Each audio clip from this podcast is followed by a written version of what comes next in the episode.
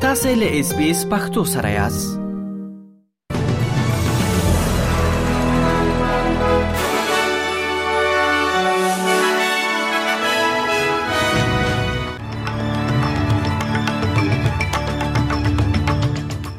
په وکټوريا ایالت کې د اور پر لګولو بندیز لګول شوی او یو شمېر ښوونځي تړل شوي دي ملګرو ملتونو د اسرایل لخوا د دوو تنو برمته شویو د خوشی کولو لپاره په عملیاتو کې د وش پېته فلسطینیانو وژل غندلې دي فدرال حکومت غواړي چې پراتلونکو دریو کلونو کې په اطرافي سیمو کې درې زره کاروبار رامنځته کړي او سبا د افغانستان او سریلانکا د ملي لوبډلو ترمنځ درېیمه یو ورځنۍ لوبه تر سره کیږي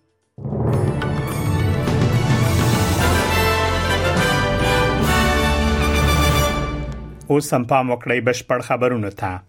په وکټوريا ایالت کې د تودوخې لامل اته ډیر ښوونځي او د ماشومانو د ساتنې یو شمېر مرکزونه تړل شوې دي په یاد ایالت کې د وچ الماسک طوفان او 100 کیلومتر په ساعت کې باد وړاندوینه شوې ده د وکټوريا ایالت د اطرافي سیمو د اوروژن ادارې مشر جیسن هفرنن ای بي سي شبکې ته ویلي چې هغه د تودو شمالي بادونو په اړه اندېښمن دی هغه ویلي چې د ډیری وکټوریانو لپاره بنن ورځ ډیره ګرمه او توده ورځ وي In, in, reality, for most Victorians today, it will be quite a hot and sweltering day. Uh, in fact, at 6.30 this morning, we already have seen 27 degrees here in Melbourne uh, and up to 29 degrees in Mildura. But that will rapidly climb and we do expect the, the low 40s across many parts of the northwest. Uh, but what's concerning for firefighters today will be those hot northerly winds, uh, averaging around that 30 to 40, even up to 50 kilometres an hour will bring challenging fire conditions په تزمانیا، سویلي استرالیا او لویدیځ استرالیا کې هم خلکو ته د تودوخې څپې او اورلګیدنې د خطر په اړه خبرداري ورکړل شوې ده. فدرال حکومت غواړي چې په راتلونکو دریو کلونو کې په اطرافي سیمو کې درې زره کاروبار رامنځته کړي ترڅو د فاصلې د بندولو هدف ترلاسه شي د ټولنې په مشوره به په مختلفو سکتورونو کې د 200 میلیون ډالر په ارزښت پانګونه وشي د دغه کار موخه دا ده ترڅو د استرالیا د لومړنۍ اوسیدونکو لپاره د کارموندنې په برخه کې زیاتوالی راشي د استرالیا لومړي وزیر انټونی البنيزي ویلي چې د فاصلې د لمنځه وړلو ل 19 اهداف څخه یوازې څلور د عملي کېدو په حال کې دي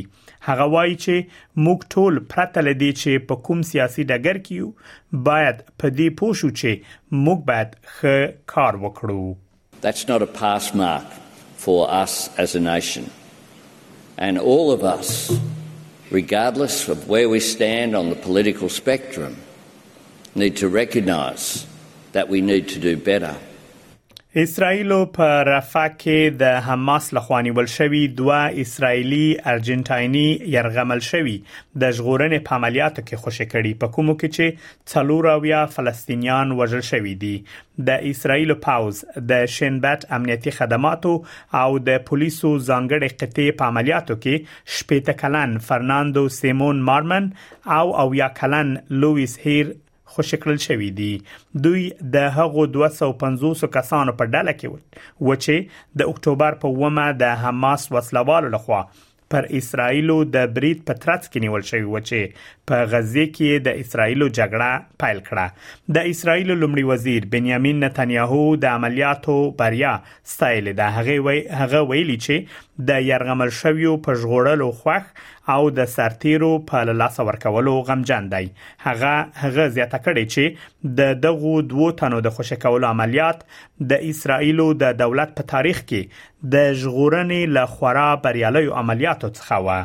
We're in a day of joy mixed with sadness. Joy over the rescue of our hostages and sadness over the loss of our soldiers. But I want to tell you that the release of Luis and Fernando is one of the most successful rescue operations in the history of the State of Israel. د غزې د روغتیاي چارواکو په وینا تر دې دمه زره فلسطینیان وژل او شاوخوا زره ټپيان شوي دي ملګری ملتونو د دوو اسرایلی برمته شویو د ژغورلو هرکلای کړی او په عملیاتو کې د لګ تر لګ څلور او یا فلسطینیانو وژل کېدل غندلې دي سټيفن دوجاریک د ملګری ملتونو د سرمنشي انټونیو ګوترش ویاندی هغه ویلي چې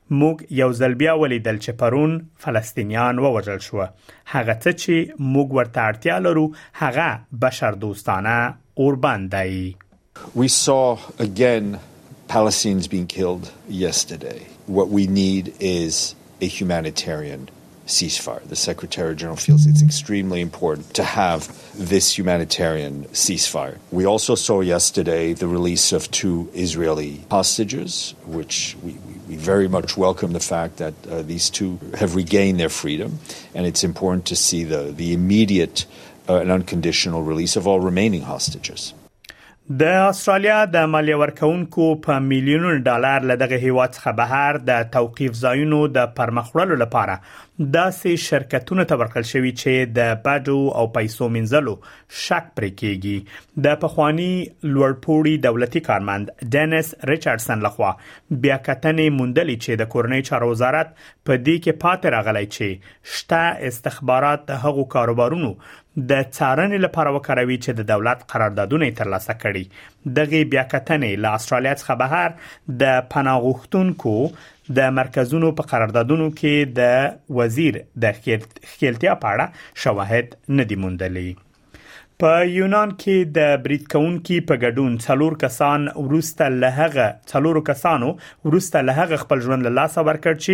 یو وسلوال د اتن په جنوب کې د یوه بار وړونکي شرکت پر مرکزي دفتر برید تر سره کړ عیني شاهدان وایي دغه شپږویا کلن سړی چې د مصر اوسیدونکی و د دغه شرکت ل ډیر مودې راځي کارکونکي و چې په دې ورستیو کې لیو شمیر نور کسانو سره یو ځای ل دندې ګوښه شوی و او د مایوسۍ ښکار شوی و پخوانی کارکونکي د شرکت په مرکزی دفتر برید کړی او له نورو ټولو کارمندانو غوښتي دي چې ځانونه له ودانۍ څخه لری کړی سیمایز چارواکي وایي دغه سړی د شرکت مشر د هغې زوم او د شرکت شریک او یو لوړ پوړی کارمند مخکې لدی چې ودانۍ ته ننوځي او خپل ژوند پای ته ورسوي وژلې دي مګر د پولیسو ویاندې کانس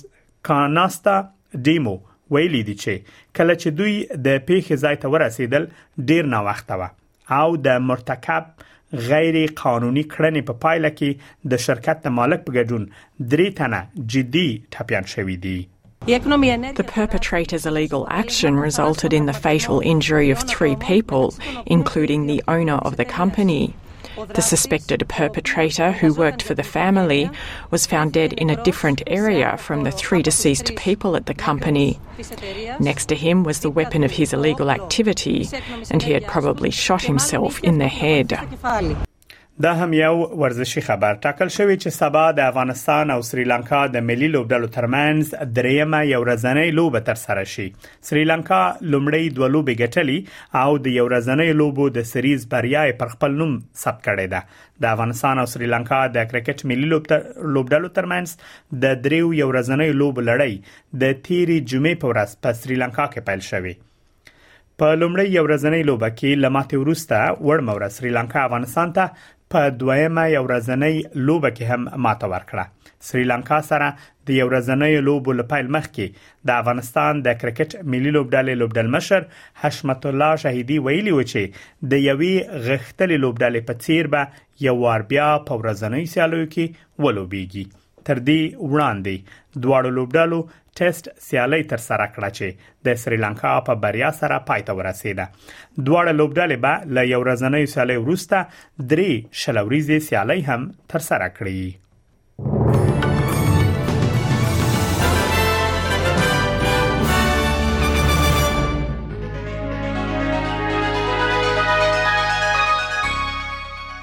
اوس هم پام وکړئ د هوا حالاتو ته په سیدنی کې لمر د تودوخه لوړه درجه یو دیش ملبون کې د باران امکان شته او هوا ډیره توده ده د تودوخه لوړه درجه شپږ دیش پرت ښار کې ډیره لمر د تودوخه لوړه درجه 15 دیش په جلیټ کې لمر د تودوخه درجه 28 هوبارت کې د باران امکان شته د تودوخه لوړه درجه 29 کانبرا کې ډیره لمر د باران امکان هم شته د تودوخه لوړه درجه 2 دیش په نیوکاسل ښار کې ډیری لمر د تودوخې لوړه درجه یو دیش په برزبن کې د باران امکان شته د تودوخې لوړه درجه دیش په داروین کې ډیری لمر د تودوخې لوړه درجه نه هویشت او له استرالیا څخه بهر په کابل کې نیمه ورځ د تودوخې لوړه درجه اته او ټیټه منفي دوه په پیښور کې لمر